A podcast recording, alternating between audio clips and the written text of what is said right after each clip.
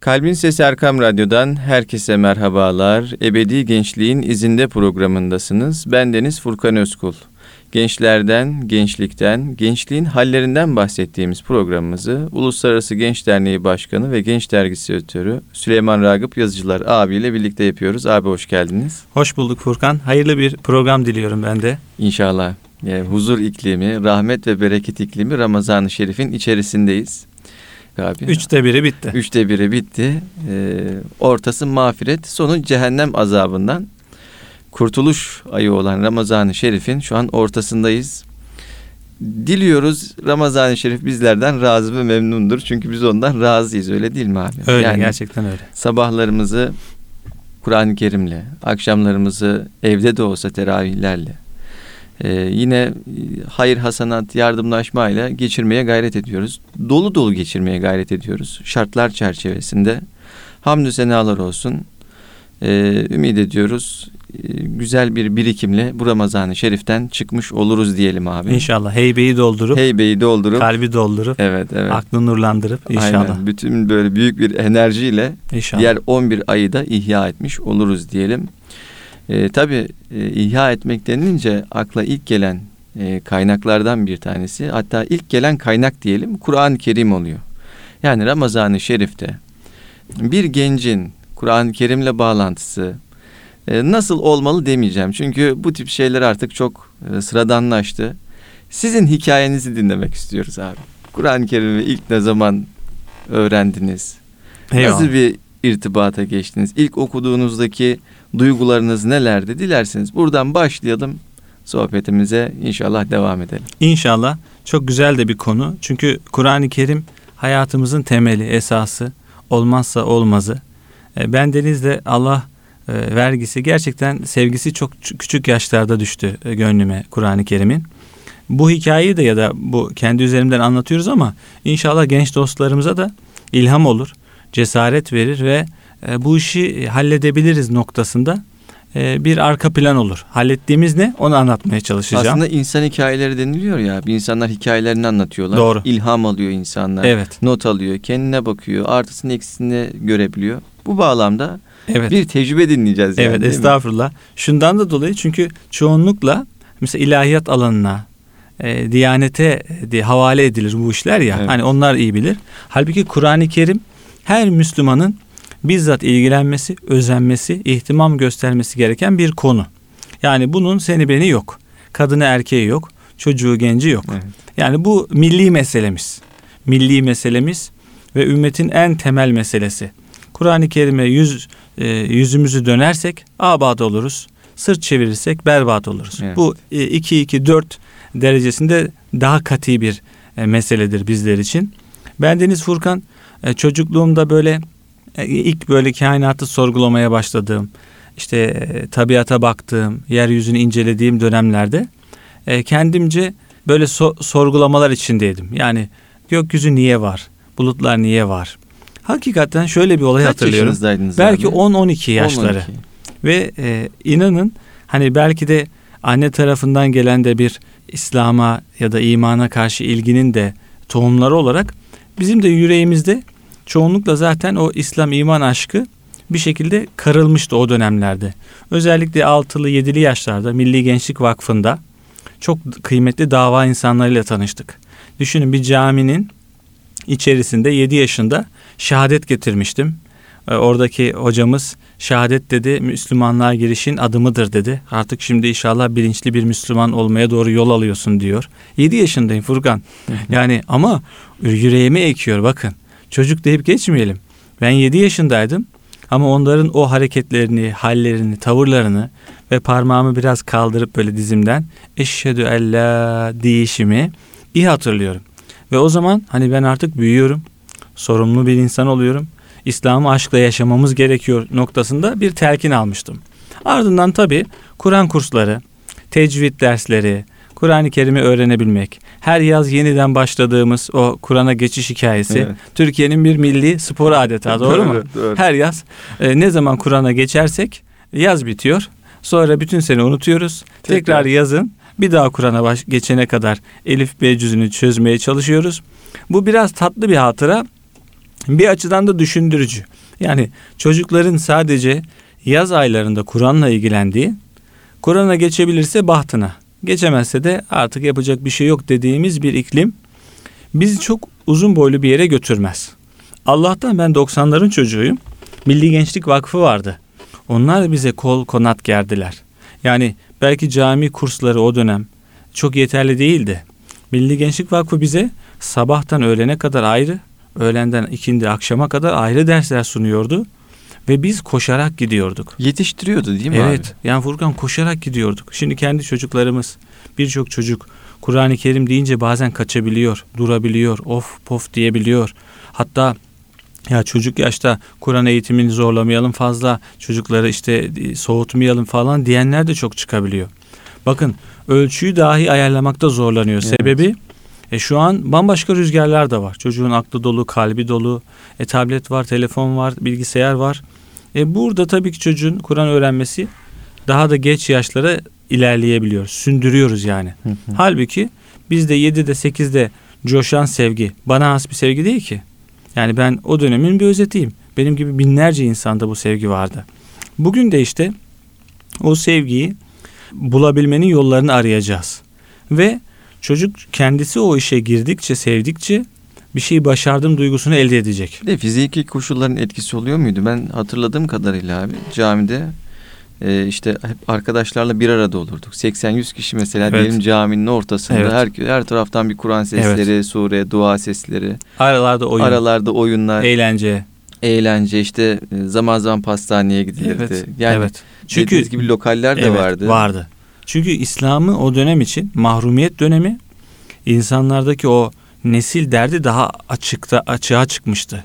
Yani hepimize bir umut, bir e, geleceği taşıyacak insanlar gözüyle bakıyorlar ve 50 60 100 fark etmeden o bize o İslam iklimi, iman iklimiyle ilgili e, seferber oluyorlardı.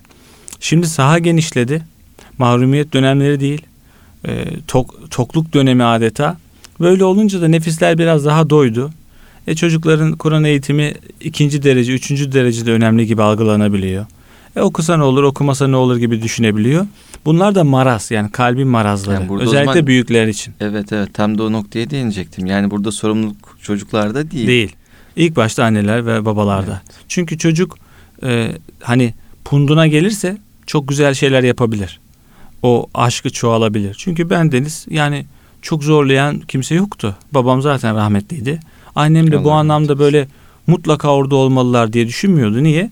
Beş çocuk, kendi hayat şartları ama Milli Gençlik Vakfı'nın dava insanları anneme ve e, diyelim ki en büyük abime ya bu işlerde çok e, güzel bereket var. Buralara gelsinler. O o zaman annem tabii ki gelsinler deyip destekledi. Ama marifeti onlardaydı.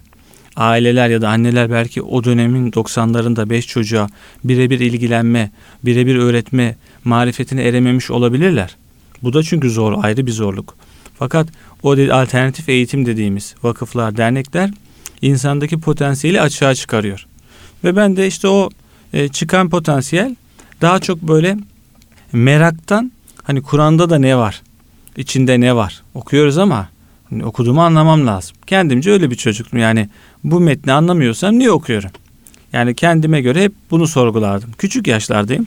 Ve bir gün gerçekten böyle pencereden alemi izledim. Abes bir şey aradım. Böyle gereksiz bir şey. Bu vakadır. Yazdım hatıralarımda da bunu. Yani çöplere baktım, işte ağaçlara baktım, yıldızlara baktım. Ya gereksiz bir şey bulmakta çok zorlandım Furkan. Canım sıkıldı. Biraz bunaldım.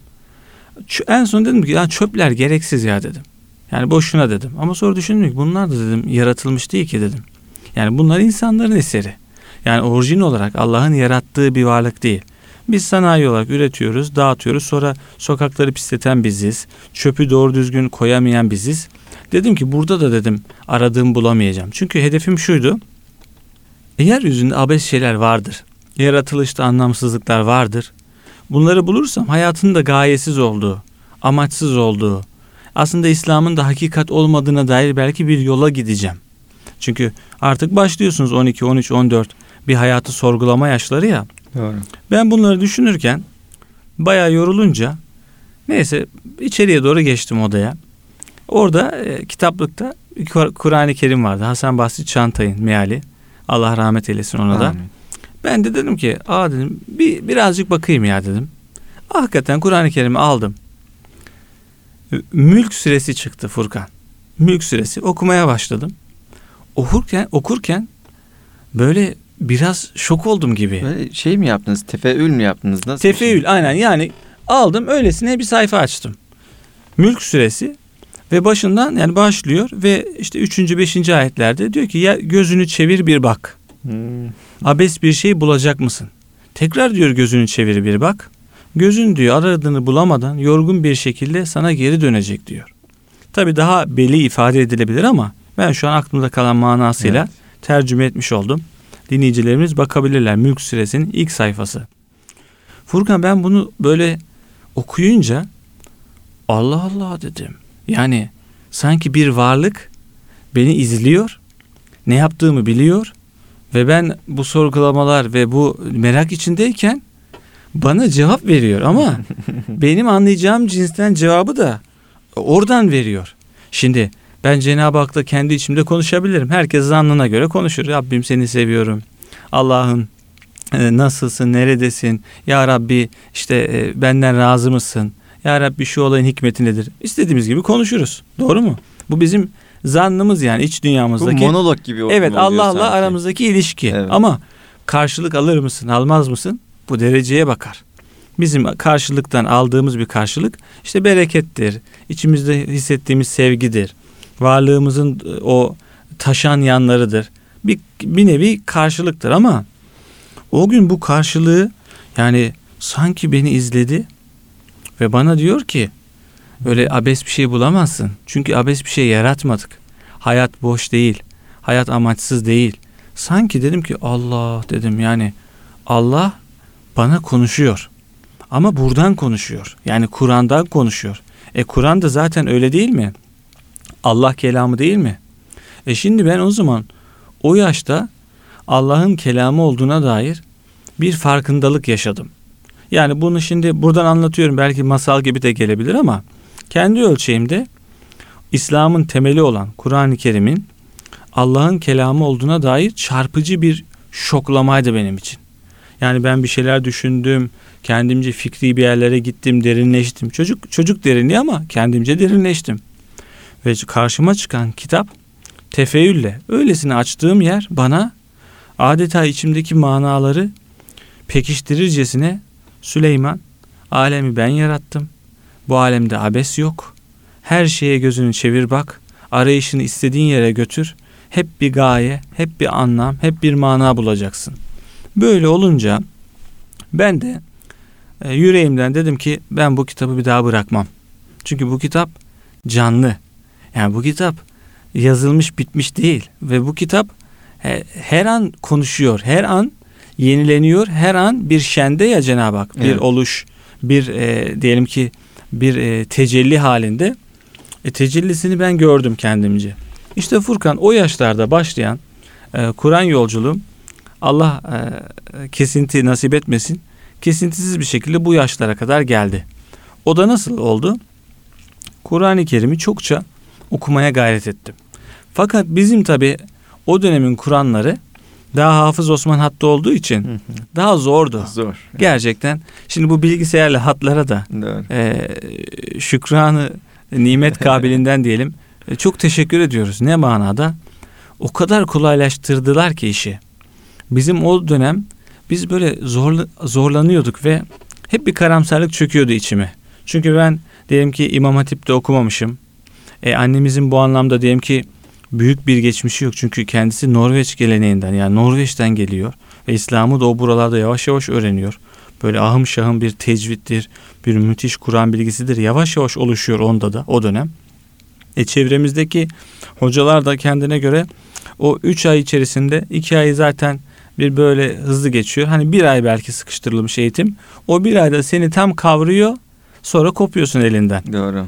E, ilkokulda da zaten bu anlamda bir Kur'an-ı Kerim eğitiminin 90'larda önemli bir gündem olduğunu hiç hatırlamıyorum.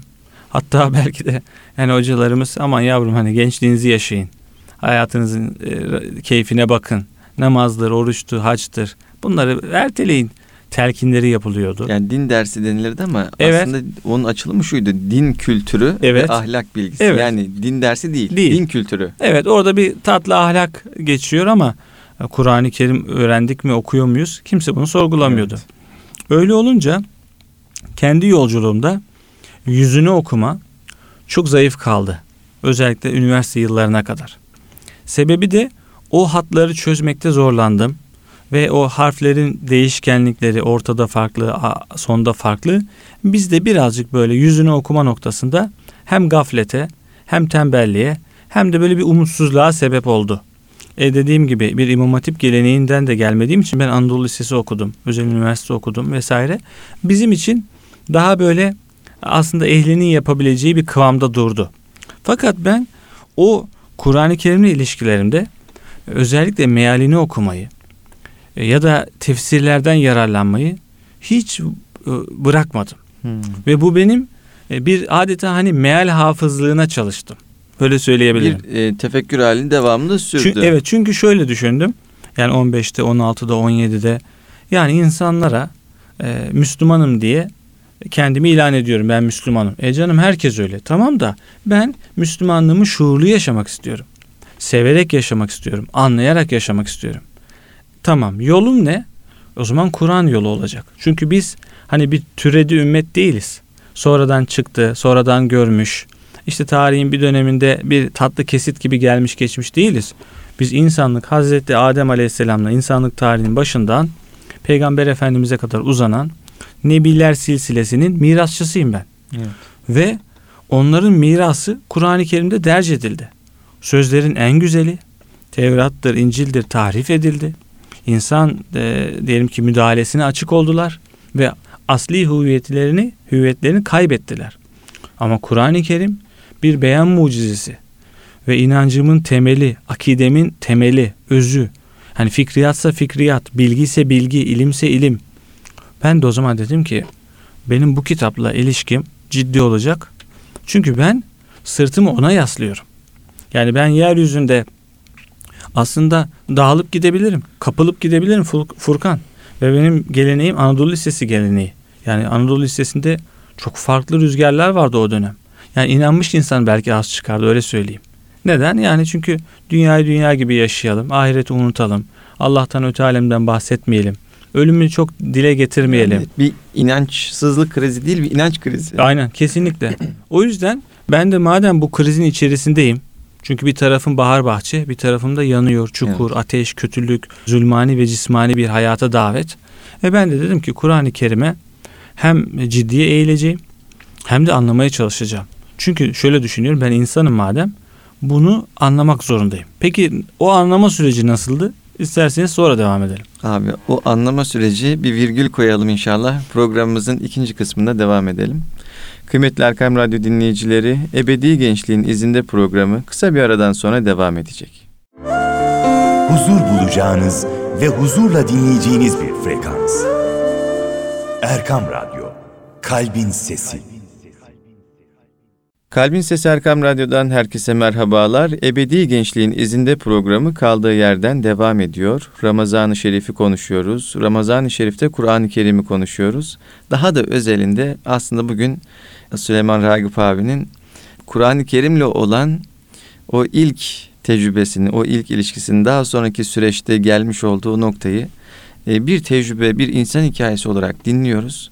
Aslında çok güzel bir noktada kalmıştık abi. Yani o Kur'an-ı Kerim'i anlama noktasına virgülümüzü koymuştuk birinci kısımda. Dilerseniz buradan devam edelim. Eyvallah Furkan. Yani yeniden hatırlatmış olalım. Bu böyle bir Kur'an'ı anladık, hallettik hasbiyeli değil. Genç arkadaşlarımıza da Kur'an-ı Kerim bizim kitabımız. Onu anlamakla mükellefiz. Anlamaktan ziyade yaşamakla da büyük bir yaşamakla ilgili büyük bir sorumluluğumuz var. Fakat Kur'an-ı Kerim'in işte içine dalmak, onun gölgesinde gölgelenmek, onun o nimetlerinden, faziletlerinden istifade etmek için o kitapla yüzleşmek lazım. Kendi yüzleşme serüvenim üzerinden arkadaşlara da ilham olabilir miyiz diye ümit ediyorum. Ben şöyle İnşallah. düşünüyorum abi. Yani bir benzetme yapacak olursak Kur'an-ı Kerim bir umman. Yani çok muhteşem dalgıçlar var. Kimisi böyle kıyıda kenarda yüzüyor. Kimisi böyle ayaklarını sokuyor. Yani her insanın alacağı bir hisse var diye düşünüyorum. e, kimileri inci mercan çıkarıyor öyle değil mi? Öyle. Baktığımız o e, yani 30-40 yıl yaşamış zatların abi ciltler dolusu kitapların olduğunu görüyoruz. Öyle. Tef- tefsirlerinin olduğunu Öyle. görüyoruz. E, biz ben şahsım adına söyleyeyim bu yaşıma geldim henüz bir eser ortaya koyamadım. Bir şey yaz deseniz e, düşünürüm yani. Hele Kur'an vadisinde Kur'an-ı Kerim- yürümek, Evet. kalem oynatmak. Evet çok daha zor bir mesele. E, Allahu Teala inşallah bizlere de güzel Bereket bereketler versin. Amin. lütfeder diyelim. Şöyle devam etmiş olayım Furkan. Hasılı e, lise ve üniversite yıllarında çokça anlamak için mealini çok okudum Kur'an-ı Kerim'in. Yani döne döne belki 100 defa belki 500 defa döne döne okumuşumdur sevgiden, ilgiden. Anlamak istediğim de Allah'ın muradı ne? İşte İslam tarihi var orada, dünya tarihi var. Kendi ha- hakikatimiz var. E, geçmiş milletlerin meselleri yani örneklikleri var. Ve bunlar çok boyutlu.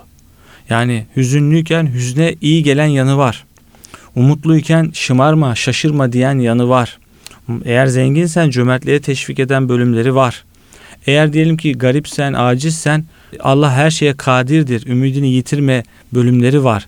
Yani öyle bir kuşatıcı ki o dönem için yaralarıma merhem buldum. Onu söyleyebilirim. Sizi en çok etkileyen sure ne olmuştu abi? O, o zaman için şöyle söyleyeyim. Ya da Ee, yani var mı diyeyim. Daha çok diyelim ki mesela o gençlik psikolojisinde neydi insan? Biraz bunalımda olur. Biraz kendini beğenmez. Niye buradayım? Ben kimim? Ben beceriksiz miyim? Bende kapasite yok mu? Ya da kendi şekliniz, şemaliniz. İşte yanaklarım kızarıyor. İşte çabuk utanıyorum. Yani birçok şeyi belki dert etmişiz o dönem. Fakat Kur'an-ı Kerim'de diyor ki mesela ayet kullarının üzerinde diyor her türlü tasarrufa sahip olan odur diyor. Yani Allah yani adeta bizi yarattığını yusavvirukum diyor. Yani bana şekil verdiğini söylüyor. Şimdi ne var bunda? E bu basit mi? Hayır o dönem için zor. Ben o dönem şunu fark ediyorum. Ya Allah benden razı yani beni böyle yaratan o. Ben niye kendimle kavga ediyorum ki? Yani beni böyle şekillendiren o. Ben neye göre kendimi beğenmiyorum? He ne derler? Toplumdaki bazı algılar şu bu. O işte Kur'an-ı Kerim benim içimdeki o e, Allah'a bağlılık ve Allah'tan razılık noktasındaki engellerimi aşmama sebep oluyor. Ve diyorum ki hakikaten Rabbim benden razı. Beni yaratan o. Annemi, annemi, annemi ve babamı seçen o. Hangi dönemde dünyaya gelir, geleceğimi belirleyen o. Cinsiyetimi belirleyen o. Boy uzunluğum, göz rengim, kulaklarım, duruşum, fiziki, fiziki yapım. İşte Cenab-ı Allah'la barışmama vesile olduğu için Kur'an-ı Kerim benim daha da ilgimi çekti. Yani özellikle psikolojik tahliller, insan insanın ruhuna seslenen hitaplar. Ben böyle mest oldum. Dedim ki ya Kur'an-ı Kerim'in öğrencisiyiz son nefese kadar. Oradan devam edelim. Büyüdükçe o meal okumalarım e, hep onun otantik Arapçasıyla birleşti. Bunu da bir yöntem olarak tavsiye edebilirim. Yani Arapça öğrenmeye mi başladınız? Arapçayı şöyle öğrenmeye başladım. Ben Kur'an-ı Kerim'in diyelim ki mealini aldığım zaman elime çok böyle uydurukça mealleri almazdım. Yani esaslı isimlerin diyelim ki Elmalı Hamdi Yazır gibi, Beşir Er Yaşar Hoca, Ahmet Ağrakçı Hoca gibi onlar daha diyelim ki Türkçe kelimelerde Hı hı. çok böyle uydurukçe çevirmiyorlar. Yani Kur'an'da hayat diyorsa mealde yaşam demiyor. O da hayat diyor. Kur'an'da diyelim ki vakar diyorsa o da vakar diyor. Böylelikle mealle mana arasında çok büyük bir e, ahengi yakalama şansım oldu. Nasıl? Arapçasını dinliyorum yavaş yavaş. Dinlerken eş zamanlı Türkçesini okuyorum. Böyle okuduğum zaman yani yüzde altmış camide imam nereye okursa okusun hangi konuyu anlattığını anlamaya başladım. Ve öyle zevkli geldi ki o zaman. Yani imam ne söylerse söylesin. Aa diyorum şu an bunu söylüyor. Allah'ın şu sözlerini aktarıyor. Çünkü biz Arapçayı dinliyoruz ya da okuyoruz ama bunun da fazileti var. Fakat anlayıp üstüne yaşama gayreti gösterirsek fazilette öteye gideriz. Çünkü din yaşanmak için geldi. Kur'an anlanmak için geldi. Anlamamız için geldi. İşte Furkan kendi yolculuğumda hala da öyledir. Belki 15-20 senedir en az Arapçayı dinlerken mealini okuyorum. Ve böylelikle Arapça manayla Türkçe meal arasındaki ilişki bağını kuruyorum. Kelimelerden artık diğer kalan boşlukları tamamlıyorum. Ve böyle böyle çok daha güzel, huzur verici hale geldi Kur'an-ı Kerim. Ve belagat nedir? Söz gücü nedir? O adeta e, insanın içini genişleten, ruhunu aydınlatan, kabına sığdırmayan ifadeler yüreğime daha da yağmaya başladı. Gürül gürül öyle düşünün. Ve Kur'an-ı Kerim yağan bir şey adeta. Çünkü Kur'an-ı Kerim mesela e, yağmurla ilgili ifadede nezzele kavramı geçer. Yani indirildi. Kur'an-ı Kerim için de aynısı tenzil. O da indirildi. Bakın yağmur nasıl gökten nasıl iner? Yavaş yavaş tane tane iner.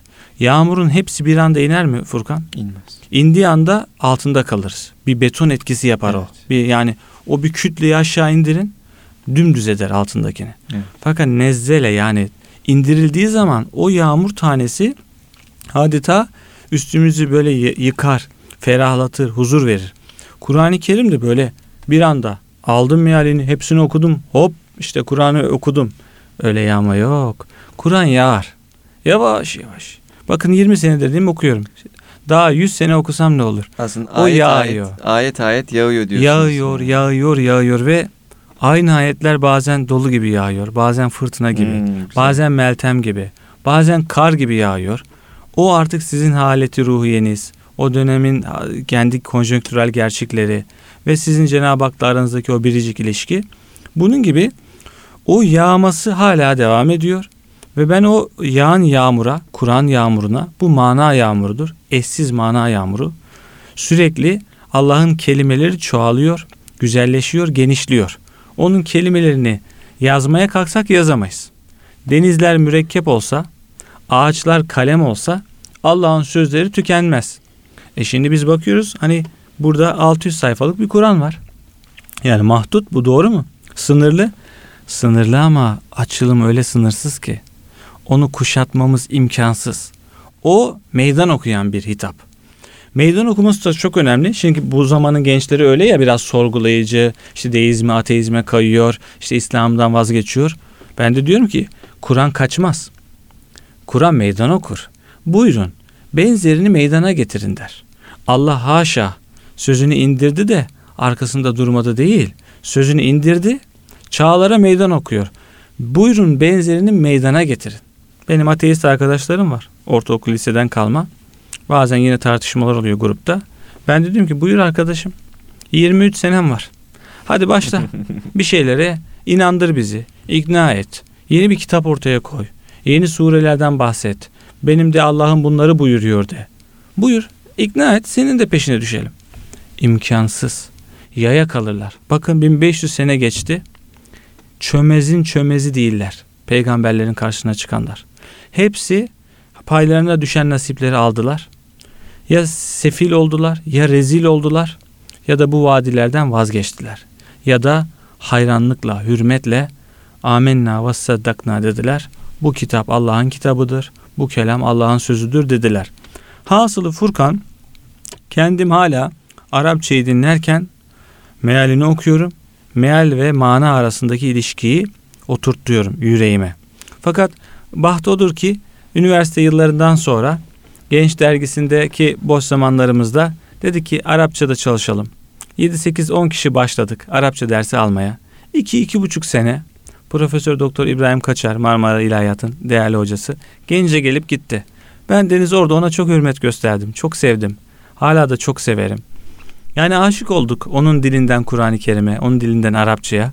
O benim için Arapçayı anlayabilecek, konuşabilecek, belki yazma noktasında eksiğimiz var ama anlama ve konuşma noktasında yüzde elli işimizi gördü. E yüzde elli de zaten kendi içimde diyelim ki mealine vakıf olmaya çalışıyordu. Şimdi toplamda aslında yüzde yetmiş seksen anlayabilme noktasında elhamdülillah bir yere geldim. Maşallah. Bakın il, bunu niye söylüyorum? Hani ne güzel işte nereye geldim? Haşa. Kur'an-ı Kerim'in karşısında bir bebekten aşağı kalır yanımız yok. Yani emekliyoruz şu an. Bebek gibi manaları anlamaya çalışıyoruz. Fakat kendim ilahiyatçı değilim. İmam Hatip de okumadım. Ben özel üniversitede okudum. Anadolu Lisesi'nde okudum. Kur'an-ı Kerim Allah'ın kitabı, ümmetin kitabı, dinimin kitabı diye kendim aşkla, şevkle bu alana ilgilendim. Özel bir şekilde ilgilendim. Çünkü Biz Müslümanız. Kur'an-ı Kerim'ini Kur'an-ı Kerim'i ilahiyatın ya da diyanetin tekeline bırakamayız. Bu Müslümanlık böyle olursa o zaman kurumsal bir din anlayışımız olur. Yani camiler halletsin, imamlar çözsün, ilahiyat hocaları baksın. E ben çocuklarıma nasıl kişilikli bir baba olacağım? Kur'an sevgisi olmazsa ben onlara nasıl Kur'an-ı Kerim'in manalarında yolculuk yapalım diyeceğim? Ben bir meseleyi anlamadığım zaman nasıl oradan çek edeceğim yani kontrol edeceğim e, itikadımı, amelimi Kur'an bilmezsem kandırılmam kolay olur. Kur'an bilmezsem belki her e, sözü güzel ama özü berbat insanın peşine takılabilirim. Bu noktada da Kur'an-ı Kerim'i öğrenmeyi kendime mecburiyet addediyorum. Ölene kadar da Kur'an-ı Kerim'in talebesi olacağım. İnşallah. İnşallah. Allah imanımızı almasın, ayaklarımızı Amin. kaydırmasın. Bunlar Amin. tabi iddialar ama yüreğimden gelen dilekler anlamında. Yoksa Amin. haşa ve kella Allah nurunu tamamlar. Bir Süleyman gider, bin Süleyman gelir. Furkan kim ki, Süleyman kim ki? Allah bizi gad halet diyor ya onlar bir nesildi geldi geçti. Gelip geçeriz. Kur'an'ın yüzüne bakmayız. Kur'an'la ilgilenmeyiz. Kur'an kültürünü önemsemeyiz. Kur'an'ı sohbetlerimizin konusu yapmayız. Allah öyle bir kavmi getirir, öyle insanlar getirir ki onlar Allah'ı çok sever. Allah da onları çok sever. Evet. Bu yüzden tehdit de var aslında. Biz değerini bilirsek biz bahtiyar oluruz. Biz kazanırız. Bilmezsek Kur'an orada terk edilmiş bir şekilde bırakırız. O da bizi terk eder. Kıyamet günü de pişmanlık var. Dünyada da pişmanlık var. Bu böyle. Kadir Mısıroğlu bir hatırasını anlatmıştı. İşte diyelim ki Mekke'nin bir e, alimi hitap ederken orada mesela inşaatta bir sürü çalışan insan varmış. Onların çoğu da Türklermiş. Bakın demiş. Osmanlı Kur'an'ı böyle izzetli bir şekilde yıllarca ayakta tuttu. O zaman buraya alimler, kadılar, idareciler yolluyorlardı. Şimdi Kur'an'ı terk ettiler. Bakın buraya işte işçiler, inşaatta çalışacak adamlar geliyor oradan. Çünkü Kur'an'dan yüz çevrildiği zaman o bereketi de gider. Yani Türkiye'nin diyelim ki o ilk yılları, ilk 20, 30, 40 yıl Kur'an'la açıkçası bir düşmanlık, Kur'an'a adeta meydan okuma bunları da yaşandı. Yaşandı. Niye izzetimizi yitirdik aslında? O yüzden şunu söylüyorum. Kur'an izzettir. Kur'an şereftir. Kur'an manadır. Kur'an ilimdir. Kur'an kişiliktir. Kur'an kendimizi bulmaktır. Kur'an hayattır, neşedir, sevinçtir. Fakat alabildiğin, alabildiğin kadar. Aldığın aldın. Yoksa fırsat geçiyor. Şimdi öyle ya alışveriş merkezleri. Yok diyor aldığın aldın. Niye? E sen kaybedersin diyor. Ya ne var orada ne ki? Yani bir mal. Biraz sonra yine alırsın. Başka bir şekilde yine kavuşursun. Yok. O bile sana onun ne kadar değerli olduğunu söylüyor. Aldın aldın diyor. Ama Kur'an-ı Kerim kaybetme ihtimalimiz yok. Kur'an'a yüz verirsek yani Kur'an-ı Kerim'le ilgilenirsek pişman olma şansımız yok. Hep şeref, hep izzet, hep şifa. Bakın şifa baştan aşağı. Nur. Kendim de hala o nurdan istifade etmeye gayret ediyorum. Ne yapıyorum? Arapçamı işte Suriyeli, işte buraya gelen mülteci muhacirlerle konuşarak diri tutmaya çalışıyorum. Her okuduğumda anlamadığım yerlere tekrar bakıyorum. Tabi tefsirler. Mesela İsmail Hakkı Bursevi Hazretleri Ruhul Beyan tefsiri. Çok kıymetli bir eser. Geçen onun da bir Hud suresiyle Yunus suresinin girişini okudum biraz. O da tabi diyelim ki kendi döneminde bunu farklı farklı metotlarla yazıyor ya. Diyor ki bakalım diyor ömrüm vefa edecek mi diyor. En zor işe giriştim diyor. Kur'an vadisinde kaleme sarılmak kolay mı diyor. Ya. He, hastalık var diyor, zorluk var diyor ve bu işin vebali var diyor. İnsanlara bunu anlatacağız ama tefsir kolay bir şey değil. Tefsir geleneğinde ne var? Ne demek tefsir? Kur'an-ı Kerim'in manalarını günümüz insanına detaylı bir şekilde aktarmak. Birkaç modeli var. Dirayet tefsiri, rivayet tefsiri. Rivayetleri aktarıyor. Dirayet tefsiri rivayetlerden sonra kendisi de bir terkip de koyabiliyor. Bak o şu dedi, bu şu dedi, şu da şunu dedi. Ben de fakir de şöyle diyorum ki diyor. Bu anlamda İsmail Hakkı Bursevi Hazretleri'nin Ruhul Beyanı ikisinin ortasını bulan bir tefsirdir. İşari tefsir. Evet abi? yani e, ciddi anlamda tasavvufi anlamda büyük zenginliği var. Rivayetler de çok bol. Fakat dirayeti de söz konusu. Fakir der ki diyor yani Bursevi Hazretleri kendisini kastediyor. Fakir der ki diyor bu konuda da şöyle şöyle şöyle de olabilir. Yani bizim o dönem için gönlümüzü de tekrar açacak bilgiler sunuyor. Ve aradan yıllar geçti. Şimdi mesela Profesör Doktor Ömer Çelik hocamız Erkam Radyo'da da e, güzel programları var. O da mesela uğraşıyor, gayret ediyor. Bu anlamda tefsiri var. Ama bitti mi mesela Ömer Hoca'nın yolculuğu bitmedi. Devam. O da devam ediyor. Profesörlük bu işin belki öğrenciliğin ilk şartı. Öyle söyleyeyim. evet. Biz şu an aday adayıyız. Yani Kur'an-ı Kerim'i anlama, Kur'an-ı Kerim'i sevme noktasında aday adayıyız. E Süleyman Bey işte siz 20 senedir okuyorsunuz. Mealini işte okuyorsunuz, tefsirleri okuyorsunuz. Az çok Arapçaya da vakıfsınız. Niye aday adaysınız? Öyle. Bu iş güzel iş. Bu iş önemli iş. Öyle hemen herkesi Kur'an sevdalısı, Kur'an insanı yapmazlar. Bu iş yani hem ihlasla, hem sabırla, hem özenle, hem fedakarlıkla, hem Allah'ın ayetlerini az bir bedele satmadan nasıl şimdi satarız? İşte onu riya vesilesi yaparsın. Onu kendi işine geldiği gibi kullanırsın. İlk kavganda ayet ortaya atarsın mermiye şey silaha mermi sürer gibi ayetlerle savaşırsın. O zaman Kur'an-ı Kerim'i araçsallaştırdın. Araca dönüştürdün. Kur'an-ı Kerim şifa olmaz, bereket olmaz. Niye? Sen onu kullanmaya başladın. Yani dünyevi menfaatler için evet. araca dönüştürdüğümüz zaman Kur'an-ı Kerim ilaç Rahmet olmaktan olmaz. çıkar. Çıkar. Evet. Çünkü Kur'an-ı Kerim huden linnas. Hidayet sebebi insanlara. Okursun, coşarsın, taşarsın, amel edersin. Amel etmiyorsun ama öğreneyim diyorsun. Bir hani fantazi gibi. E, yarın belki o seni başka yere de sürükleyebilir. Kur'an hidayet kitabı. Yani kul kitabı değil. Kulların yazdığı kitaplar hatalı olur, eksik olur. Tahsih gerektirir. Yüz sene sonra eski bilgiler olur. Şimdi Bursevi Hazretleri birçok güzel bilgisi var ama o dönemin gerçekliğinde çok anlamlı. Bugün baktığımız zaman tebessüm ettiğimiz çok bilgi de var. Niye? Aradan asırlar geçti. Kur'an-ı Kerim bu noktada zamana yenilmiyor. Adeta meydan okuyor ve gümbür gümbür gürül gürül yağıyor. Şimdi meselemiz şu, şöyle bitirmiş olayım.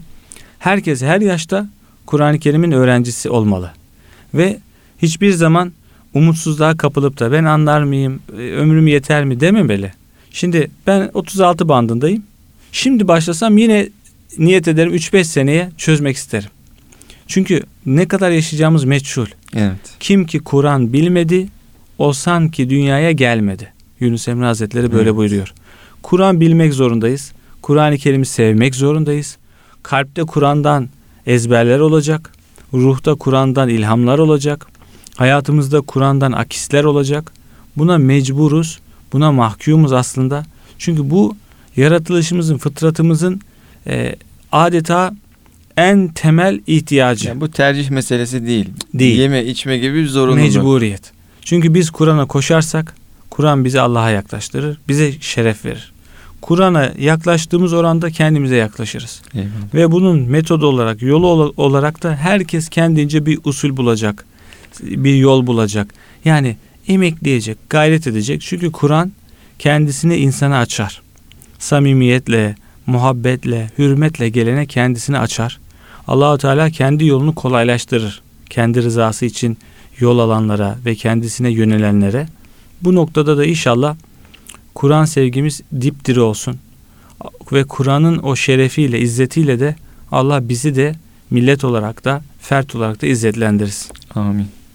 Şimdi Kur'an-ı Kerim'den konuştuk. Kur'an-ı Kerim'in şifa olduğundan bahsettik abi. Ben de şunu söyleyerek inşallah programı kapatayım. Günümüzde artık psikolojik rahatsızlıklar had safhada. Birçok insanda gerilimler var, stres var, birçok şey var.